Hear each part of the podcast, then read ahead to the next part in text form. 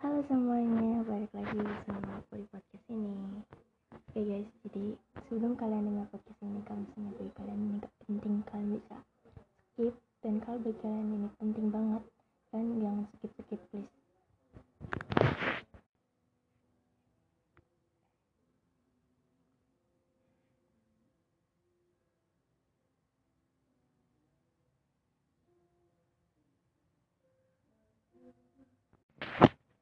Oke guys, kok di sini kayak berbagai dari beberapa bulan yang lalu dan gue baru tahu dapet, dan dapat kabar dari youtubers youtubers kalau misalnya ada beberapa orang yang membuat grup agama BTS dan menurut gue agama di sini ada enam dan nggak mungkin dong ada agama BTS dan sumpah gue army dan gue suka banget lagu-lagu BTS gue suka banget lagu-lagu Korea. Terus bukannya gue berarti pindah ke agama BTS dan bukan itu dan bukan prinsip gue menyukai lagu BTS dan gue menjadi agama BTS bukan. Dan yang bikin kagetnya mereka itu membawa-membawa agama Islam dan Kristen. Dan gue bener-bener kayak apa ya lagu pas gue lihat eh pas gue dengar atau gue baca-baca gitu katanya dia tuh lebih menghormati agamanya BTS dan Tuhannya adalah Jimin lu bayangin manusia mana ada yang bisa jadi Tuhan selain yang di atas gitu. Terus gue sempat bingung kan dia juga uh, agama apa agama BTS tidak seindah agama Islam dan Kristen astaga lu, lu kira yang agama Kristen nggak kebawa emosi apa baca-baca kayak gituan? Kayak lu hatersnya BTS atau gimana? Lu bikin agama BTS gitu. Terus ada tuh tanggapan lagi dari orang Malaysia yang setuju banget kalau agama BTS ini. Ada terus kata gue katanya alasannya orang Korea itu nggak gak memahami agama-agama yang ada di Indonesia ini yang ada ini. Padahal dia sendiri padahal orang-orang Korea sendiri menghargai agama kita. Dan ya mulut-mulut orang orang-orang kan kita nggak tahu ya guys ya. Jadi dia bikin agama sendiri dan dan dia kayak azannya tuh juga ganti dong. Astaga gue sumpah nggak nggak ini nggak nggak percaya dan nggak yang apa ya kayak tercengah-cengah dengar dan lihat apa dengar dengar dari youtubers youtubers yang yang itu. Terus habis itu dia bikin peraturan dan di di deskripsi grup di deskripsi grupnya agama BTS yang ini. Uh, hafalin kalimat syahadat tapi pakai lagu-lagu BTS kedua kalau misalnya salah lima waktu lu harus harus lihat dance-nya BTS astaga. Aduh itu agama lu ganti semuanya aturan-aturannya lu ganti gitu. Itu gue sumpah pas gue liat deskripsi grupnya terus dia sempet ada hater apa gitu. Terus kata gue ini ini orang kenapa sih? Sakit apa? Atau kenapa? Gitu. Kok bisa bikin agama sendiri? Dan pengikutnya tuh kayak udah 200 berapa gitu kalau pas pas gue liat di apa di, bukan sih kayak nonton youtubers gitu yang katamu apa mengklarifikasi isu agama BTS itu. Nah di sini tuh bakal tahu definisi dari agama itu sendiri supaya lu nggak pilih salah jalan kalau misalnya lu diajak ke agama lain jangan ya. Ini ya definisi tentang agama di sini sedapat mungkin sesederhana mungkin dan meliputi definisi ini diharapkan tidak perlu sempit maupun terlalu longgar. Tetapi dapat dikenakan kepada agama-agama yang selama ini dikenal dengan dulu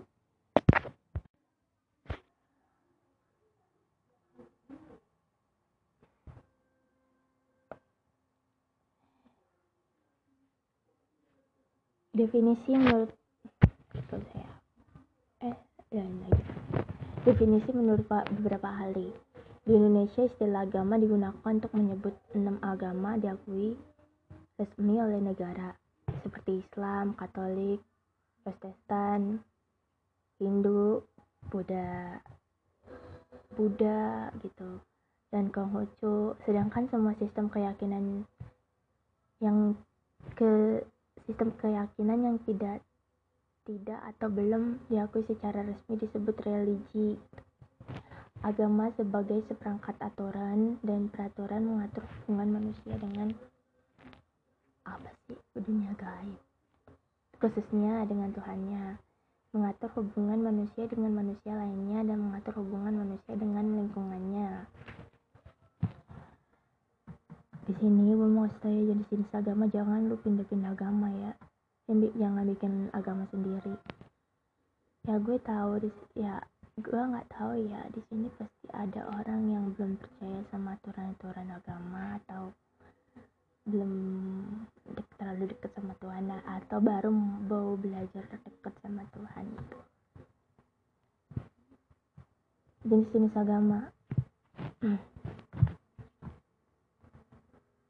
Beberapa akademisi mempelajari subjek telah membagi agama menjadi tiga kategori. Agama di dunia, sebuah istilah mengacu pada transstruktural agama internasional. Agama pribumi yang mengacu pada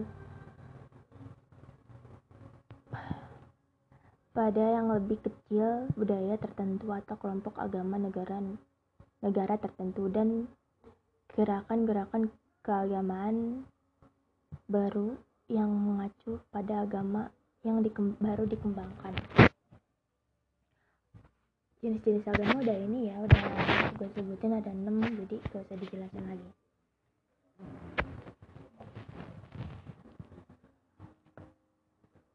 Kerjasama antar agama karena agama tetap diakui dalam pemikir, pemikiran barat, pem, ya pemikiran barat sebagai dorongan universal bagi eh apa sih bagi kok bagi uh, banyak praktisi agama bertujuan untuk bersatu dalam dialog antar antar negara antar agama kerjasama perdamaian agama. Oke di sini kan lu tau gak sih kayak kejadiannya sih GF GF kayak uh kayak gitu deh pokoknya. Dia dituduh pakai uang palsu buat beli barang. Dan ya gue nggak percaya sih. Emang ada orang beli pakai uang palsu gitu. Loh kayak apa kayak ini loh apa namanya? Dia tuh polisinya terlalu rasis atau gimana gue nggak tahu. Karena setiap agama kan beda-beda. Ya lu nggak boleh lah kayak ketemu orang yang berkulit hitam langsung kayak gitu. Jangan lu jangan rasis ya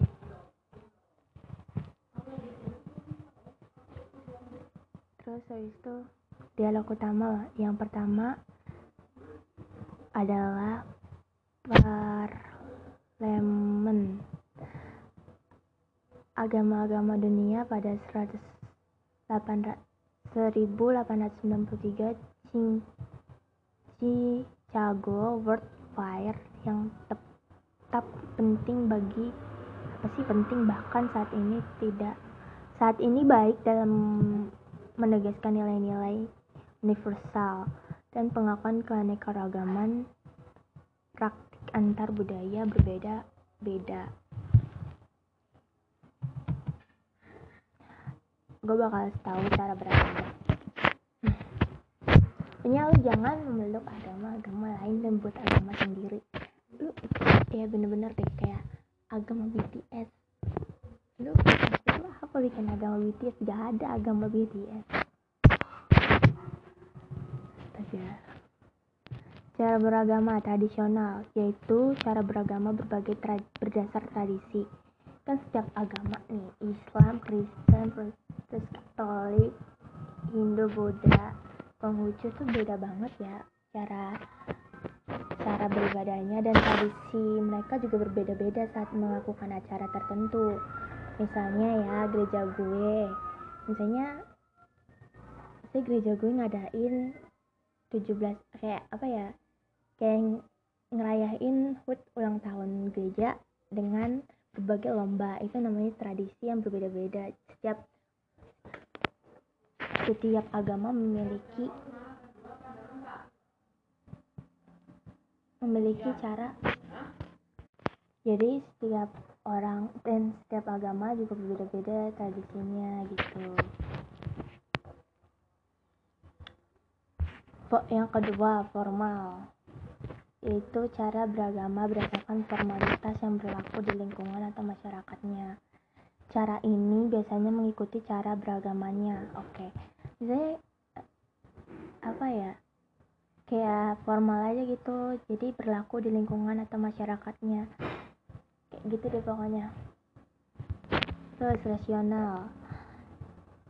Cara beragama berdasarkan penggunaan rasio sebis sebisanya untuk itu mereka selalu berusaha memahami dan menghayati ajaran agama mereka agama mereka masing-masing dengan pengetahuan dan ilmu peng dan pengalamannya gitu metode pandu apa pendahulu yaitu beragam yaitu cara beragama berdasarkan penggunaan akal dan hati di bawah wahyu untuk itu mereka selalu berusaha memahami dan menghayati ajaran dengan ilmu. Kayaknya segitu nih ya, gue kasih tahu nih ya kelompok agama, agama atau kepercayaan nih. Jumlah pemeluk-pemeluk agama di Indonesia. Kristen 2000 sampai 2200 miliar orang di 34 provinsi. Provinsi. Islam.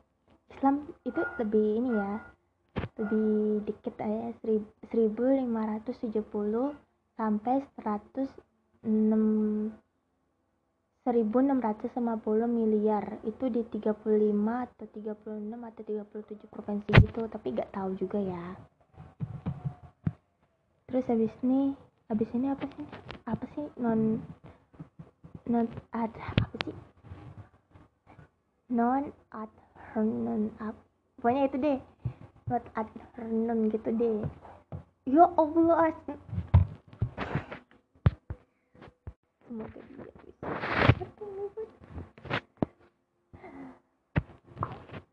ini ya. Sekuler atesis tidak beragama atau agnostik. Lu yang denger podcast ini yang lagi ngeriset nih lu awas aja lu masih agnostik ya. Awasin aja lu. Gue gak mau tapi cuman tolong ya lu lebih deket lagi lah sama Tuhan ya. Gue minta tolong ya gue nggak mau ya lu langsung kayak gak terlalu percaya dan gak punya agama. Gue tahu lu gue tahu lu nggak lah rasanya lu ngomong tuh kayak kem pas gue denger aduh pokoknya lu aduh kenapa sih lu agnostik? Kenapa? Gitu gue gue nggak mau ya punya gue bukannya nggak nerima tapi gue nerima lu padanya. Sih tolong ya lu harus percaya kalau agama lu tuh Kristen bukan agnostik. Please lu bukan agnostik ya.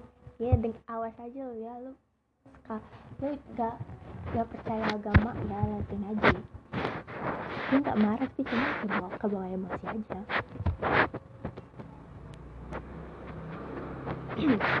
Jadi orang yang gak percaya agama dan sekuler dan agnostik 1,1 miliar. Dan dan gue pengen gue pengen ngomong nih ya buat orang-orang yang masih gak percaya kalau dan gak punya agama.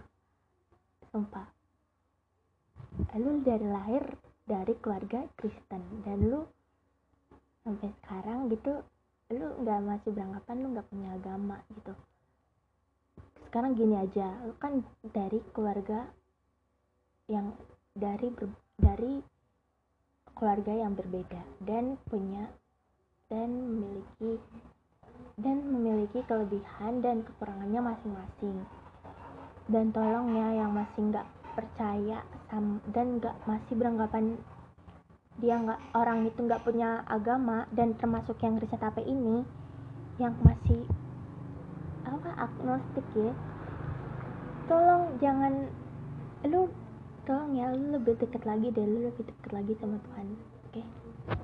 pokoknya yang nggak yang nggak percaya sama agama tolong ya kita tuh masih punya Tuhan kok masih lu misalnya agama lu konghucu kayak Kristen kayak masih punya agama. Jadi eh, ya jangan kayak gitu juga. Masa jumlah pemeluk yang tidak beragama 1, miliar? 1,1 anjir. Gila. Gue mohon banget nih ya masih beranggapan kayak gitu tolong ya untuk lebih deket lagi sama agama kalian yang dari kecil gitu agama yang selanjutnya Hindu Hindu itu pemeluknya 828 juta dan sampai 1 miliar. Buddha Buddha itu jumlah pemeluknya 450 juta dan sampai 1 miliar.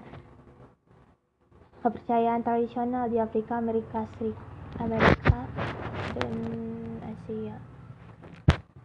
oh dia punya agama tuh Amerika Afrika sama Amerika dan Asia dan mereka memeluk agamanya kepercayaan tradisional yang di Afrika dan Amerika dan Asia itu 400 sampai 500 juta.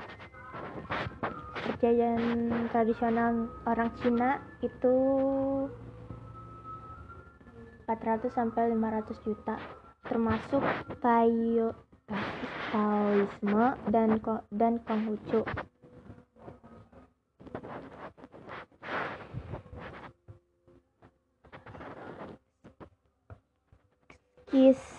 sih Sikhisme 23 juta. Yuda Yudaisme agama Yahudi 14 juta. Janisme 8 juta sampai 12 juta. Bahai 7,6 sampai 7,9 juta Sinto ini agama ya yang memeluk agamanya. Sinto 27 juta sampai 60 juta. Pokoknya banyak sih. Dan gue nggak bisa sebutin satu-satu. Dan gue nggak bisa sebutin satu-satu karena banyak. Terus itu doang. Terus gue bakal kasih tahu nih ya pasal penodaan agama. Lu kalau masih mis Tuhan. Lu kalau masih mis ya lu masih noda-nodain agama so please banget jangan sampai masuk ke jalur hukum karena bahaya. Ya dalam draft RKUHP hasil dari rapat antara pemerintah dan DPR per da, ini kan tahun 2018 mereka meng apa kayak rapat RKUPH pasal penodaan agama diatur dalam bab 7 mengenai tindak pidana terhadap agama dan kehidupan beragama yang memuat 6 pasal. Sementara dalam KUHP lama penodaan agama diatur dalam pasal 156 huruf A.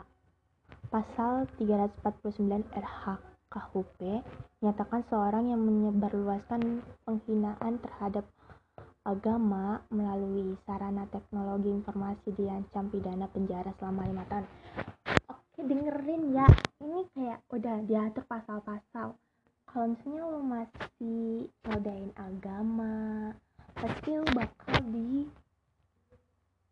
masukin ke jalur hukum. Lo bukan sendiri siapa-siapa ya kayak bagi yang merasa saja. Udah ya segitu doang. Jadi gue nggak bisa ngomong banyak-banyak nanti kayak nanti bukan kayak sih kayak gue ya gue cuman ini udah jam berapa nih? Udah udah jam segini kayaknya. Kayaknya udah kelamaan no. Gue ngomongnya ya. Yaudah segitu dulu ya. Kasih bye bye halo semuanya. Kembali lagi bersama gue di podcast ini. Sebelum kalian dengar podcast ini kalian kalau nggak suka kalian tinggal skip aja. Kalau misalnya kalian ini penting banget kalian gak usah skip skip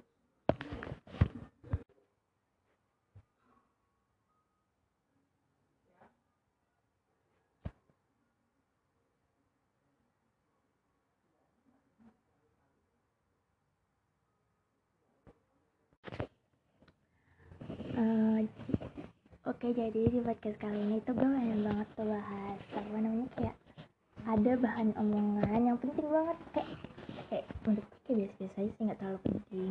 Tapi kayak pengen bet diomongin aja gitu. Jadi di sini gue bakal bahas eh jatuh cinta.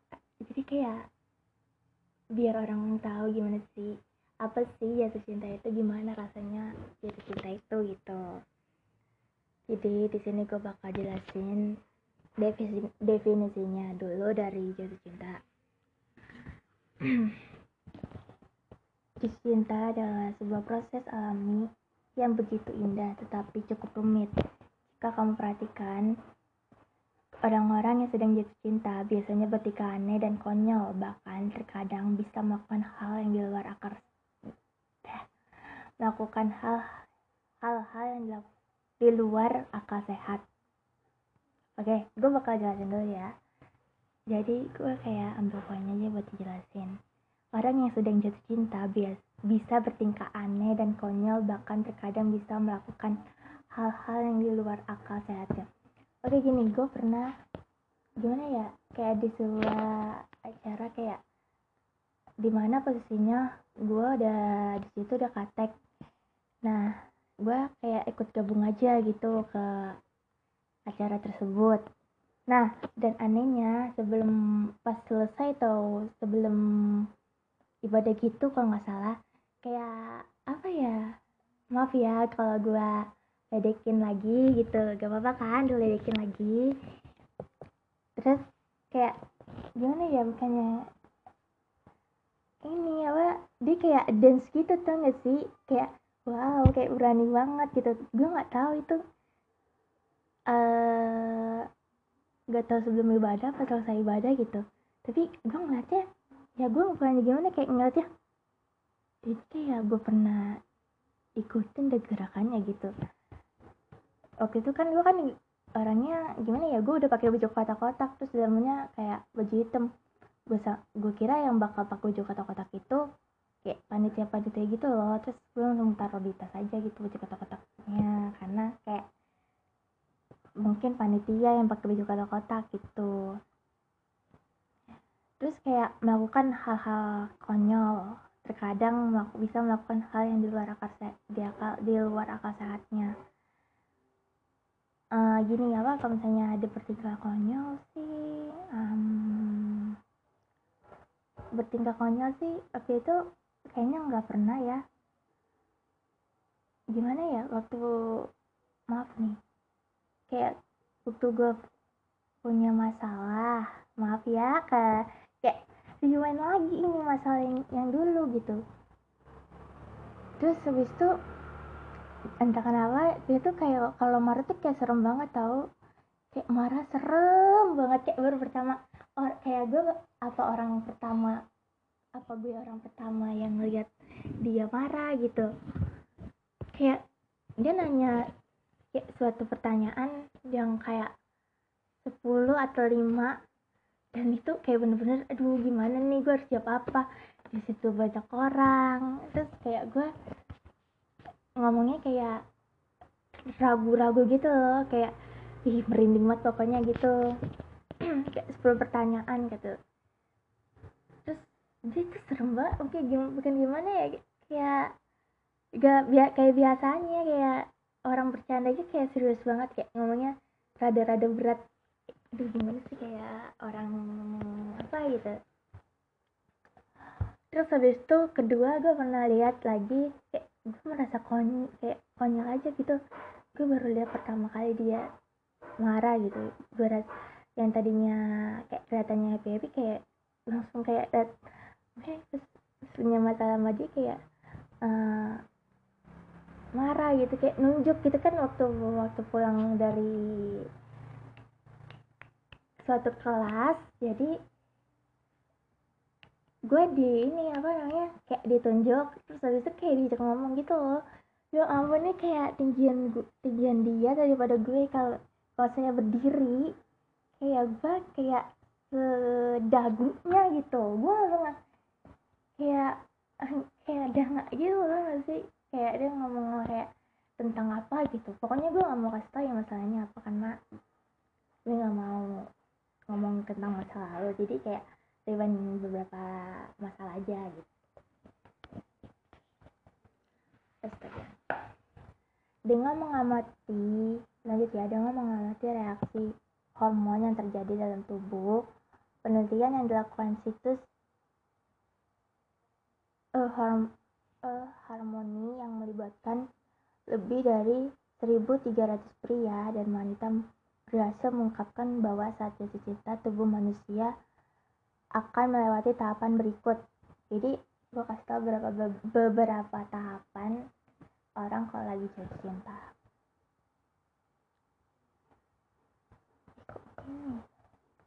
Kalau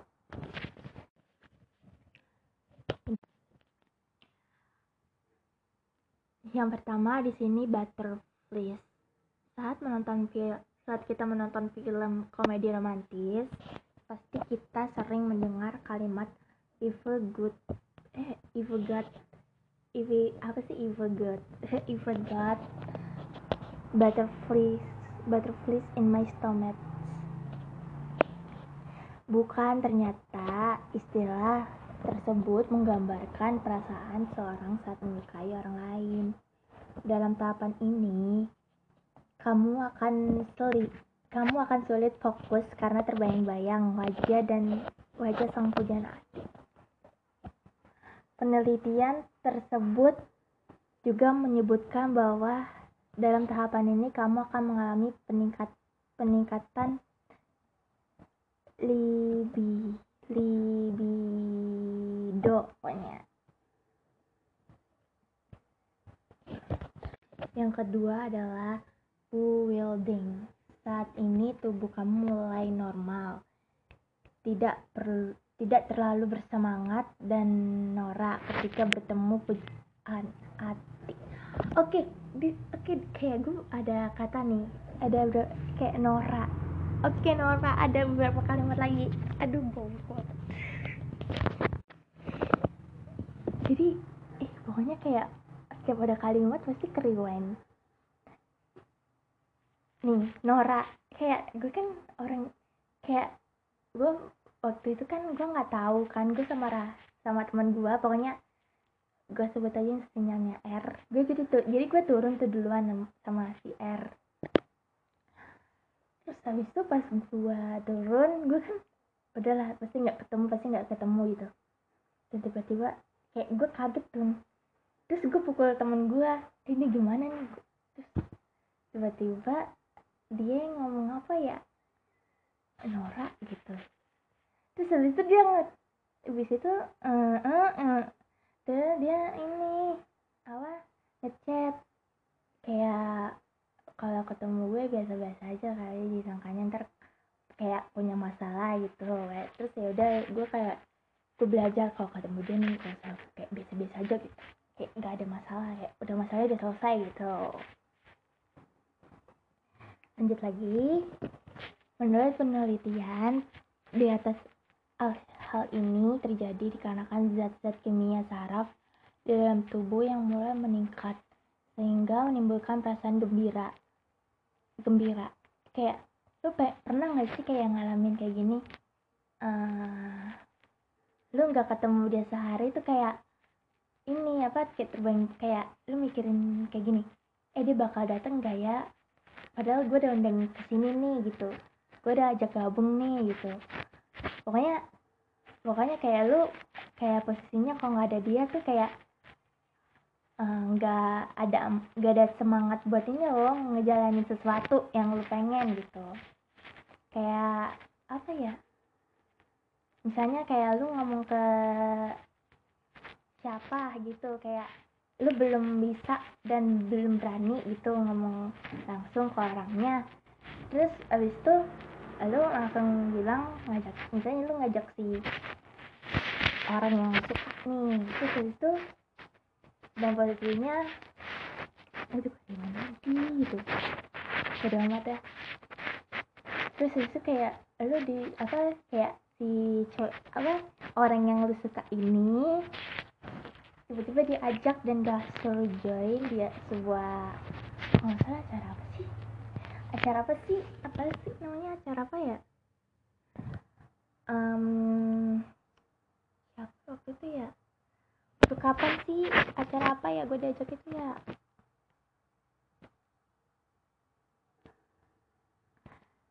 Uh, ulang tahun ini ya salah satu ulang tahun acara salah satu salah satu apa ya kayak pelkat di gereja gua gitu. Aduh gimana ya iya pokoknya gitu ya maaf ya maaf banget nih kayak keriwain gitu. Terus itu kayak gue pakai baju dress yang yang panjang gitu lah pokoknya. Nggak terlalu panjang sih kayak di atas dengkul gua gitu. Dan gua duduknya paling depan dan aduh goblok banget lu perasaan gimana sih kayak ketemu orang yang lu ini apa namanya perasaan lu gembira atau enggak gitu? Kayak um, um, apa ya? Soalnya soalnya gue kayak langsung di situ aja deh gue gak bisa rewind banyak banyak karena gue gak mau kayak inget-inget gitu. Wah anjir para lanjutnya para ahli bahkan mengatakan bahwa pada tahap the wedding perasaan seseorang akan seperti sedang berada di bawah pengaruh obat-obatan terlarang. Ini gak ada sangkut pautnya ya obat-obat terlarang kayak gak ada ya, gak ada ya. Pokoknya kayak jangan ya, jangan ya. Jangan dianggap jangan dianggap serius ini kalimat ini nih. Perasaan gembira tersebut juga diikuti oleh rasa gelisah sehingga membuat sulit tidur. Yang selanjutnya as assimilation. Maaf ya bahasa Inggrisnya kurang lancar. Hampir semua responden dalam penelitian ini menunjukkan adanya peningkatan stres saat berada dalam tahap assimilation pada tahap, ini kamu mulai berpikir logis tentang hubungan yang dijalani sehingga kamu mulai bertanya-tanya apakah si dia sudah merupakan orang yang tepat? Dan apakah hubungan ini serius atau hanya main-main? Kamu seperti tersadar bahwa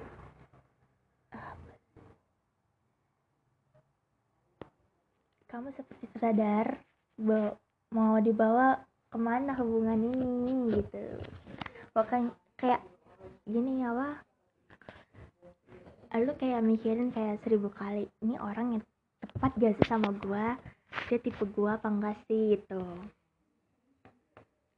Kayak ini tepat banget gak sih sama gua? Tipe gua nggak sih? Terus kayak lu lebih kenal lagi sama dia dan lain-lain gitu. Yang selanjutnya honesty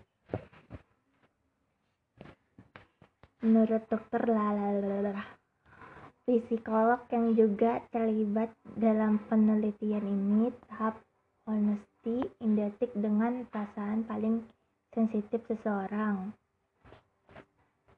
Pada tahap ini, seseorang akan dituntut melakukan perubahan demi kelanggengan hubung, hubungan dan tingkat stres pun akan semakin meningkat karena pertengkaran antar pasangannya itu pertengkaran?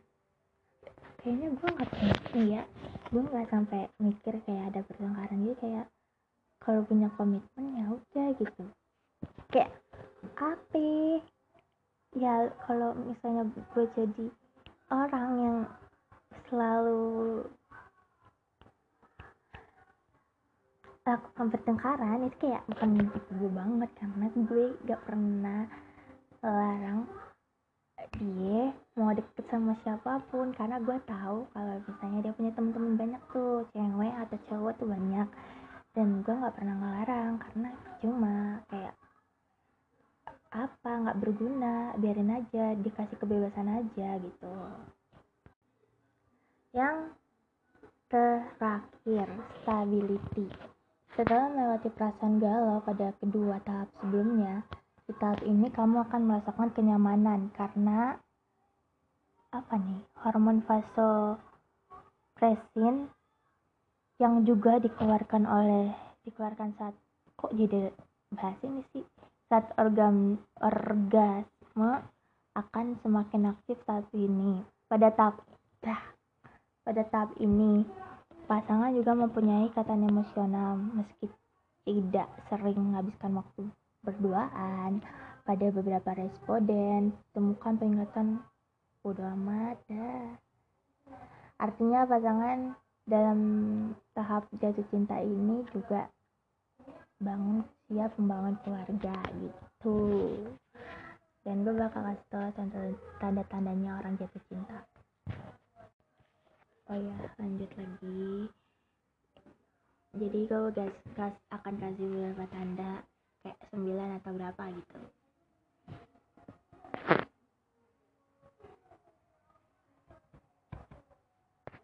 Yang pertama gak bisa berhenti menatapnya. Kayak gimana ya? Uh, gak gue bisa apa yang gue bisa sih kayak gue kayak kasih pemahaman aja kena gak bisa berhenti menatapnya. Kayak lo ngasih kontak mata terus ke orang yang lu suka. Dan gak bakal berhenti ke satu arah tersebut. Karena kayak lu pengen tahu di, apa yang dia lakuin selama selama apa ya? Um, selama dia tuh ngapain aja nggak bisa kayak lu pengen tahu semuanya gitu. Apa yang dia lakuin gitu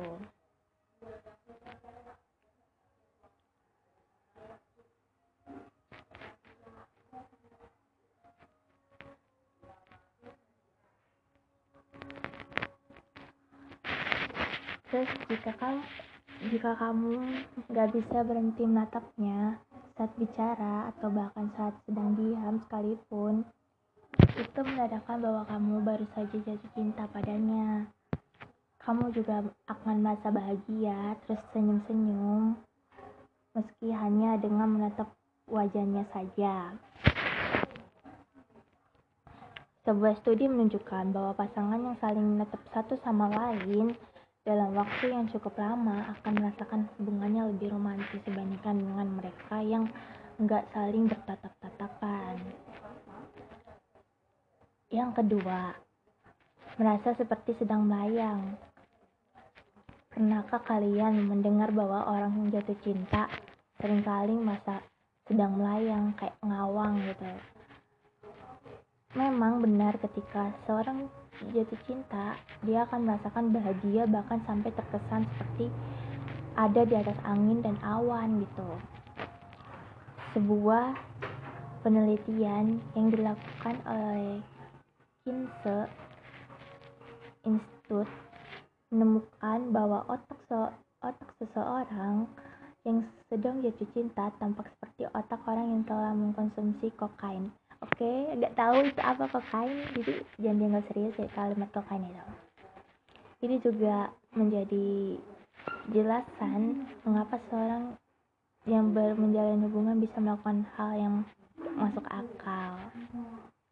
Gimana ya kayak misalnya ada urusan penting nih eh dia malah sempetin waktu buat lu kayak di mana pun di mana pun gitu. Tapi kayak nggak berat kayak nggak setiap hari juga gitu. Yang ketiga mem selalu memikirkannya. Ayo deh pada jujur. Ini jujur nih ya yang dengerin jujur ya. Ketika lu sedang jatuh cinta pasti lu akan lu nggak bisa kan lepas dari si orang yang lu suka dari pikiran lu. Itu adalah hal yang wajar karena tandanya otak otakmu sudah mengeluarkan obat-obat obat cinta yang itu hormon pen phenylethylamine hormon ini menciptakan perasaan tergila-gila dengan seseorang hingga sehingga jadi ketagihan dan membuatnya selalu muncul dalam pikiranmu. Kayak ketagihannya selalu dateng nih setiap lu bengong setiap lu ngapain pasti selalu mikirin gitu kayak ketagihan gue harus mikirin dia gue mikirin dia gitu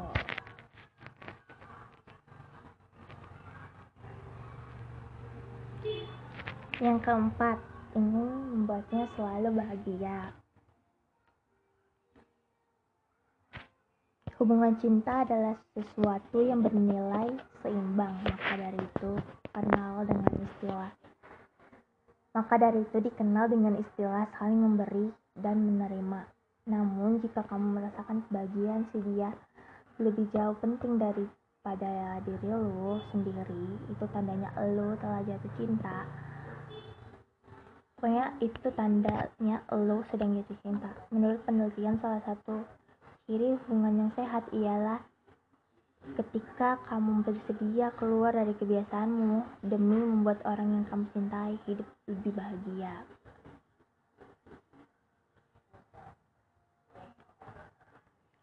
Lima timbul perasaan stres belakangan ini. Bukan hanya perasaan bahagia yang berbunga-bunga saja yang bisa kamu rasakan. Saat sedang jatuh cinta, tapi juga timbul perasaan stres yang kerap menghantui. Rupanya jatuh cinta dapat membuat kamu melepaskan banyak hormon kortisol yang menyebabkan kamu merasa panas, maka dari itu kemungkinan besar kamu akan merasakan stres setelah stres dan mudah panik saat sedang jatuh cinta. Yang keenam, berani mencoba hal baru. Tanda-tanda orang jatuh cinta selanjutnya ialah lu berani mencoba hal baru meskipun kamu what hell meskipun kamu nggak menyukainya atau menyukainya tambahan sedikit setiap orang pasti memiliki hal yang disukai maupun gak disukai. Namun, ketika jatuh cinta, secara nggak sadar kamu justru menikmati kegiatan yang tadinya nggak kamu sukai berdasarkan nggak kamu kegiatan yang tadinya kamu nggak sukai jadi disukai. Gimana ini tulisannya maaf. Berdasarkan penelitian, orang yang sedang jatuh cinta Orang yang sedang jatuh cinta cenderung memiliki minat dan kepribadian yang bervariasi. Yang bervariasi setelah mereka menjalin suatu, suatu hubungan. Yang ketujuh, jantung terasa deg-degan. Apakah jantungmu berdetak keras setiap kali memikirkan si dia? Jika iya, maka itulah tanda-tanda orang jatuh cinta. Selain itu, sebuah studi di University of California menunjukkan bahwa dua individu yang saling mencintai memiliki jantung jantung yang se yang seirama dengan pasangan saat mereka jatuh cinta. Apakah kamu dan si dia juga merasakan? I don't. Kayaknya iya sih. Enggak tahu. Yang ke-8. Lebih mudah berkeringat. Selain sering merasa deg-degan, tanda orang jatuh cinta selanjutnya ialah kamu jadi lebih mudah berkeringat. Hal, hal, ini, hal ini normal terjadi terlebih jika kamu sering merasa gugup atau panik depan si dia. Aduh, keringat lagi dong, Oke, kayak keringat di panik dong. Gimana? Jadi ya jelasin aja kan kenapa kayak gue kayak dulu tuh kayak gue kayak um, gimana kalian lagi gitu lalu kayak gue ngerasain gue kan um, pacaran itu kan kayak dari SMP nah gue pacaran itu sama um, dari kelas 1 SMP gue pacaran sama Andre. Dan itu juga gak bertahan karena si, An si Andre nya kayak udah playboy karena dia ada playboy itu kayak cuma ber sampai empat bulan doang sama si Andre. Terus yang kedua gue sama sama si apa ya gue lupa pokoknya ada temen SMP gue tapi itu juga dia orangnya tipikal playboy juga dia jadi cuman bulan sama ini yang yang kedua sama mantan gue dan yang ketiga gue waktu itu kelas 1 SMA sama gue tuh kelas 3 sampai kelas 1 SMA itu cuman bertahan cuma sampai berapa tahun doang kayak berapa bukan berapa tahun kayak udah lulus SMP gitu kan kayak kelas 1 SMA gue gue mulai dikenalin sama saudara gue dan mulai jatuh cinta sama namanya Lukas.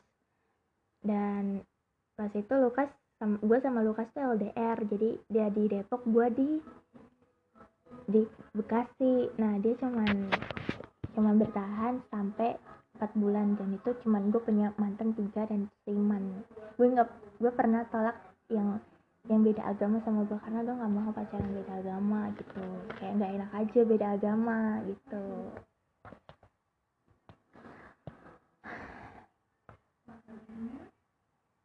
Dan gue mulai merasakan jatuh cinta setelah pertengahan yang di mana gue berada di kelas tersebut yang yang tadi. Dan gue jatuh cinta gimana nih gue sudah kayak gue jatuh cinta nih sama orang ini nih gitu. Tapi gue diem diem aja. Ya gitu ya banyak kaliban lagi kan. Udah lah udah amat gitu.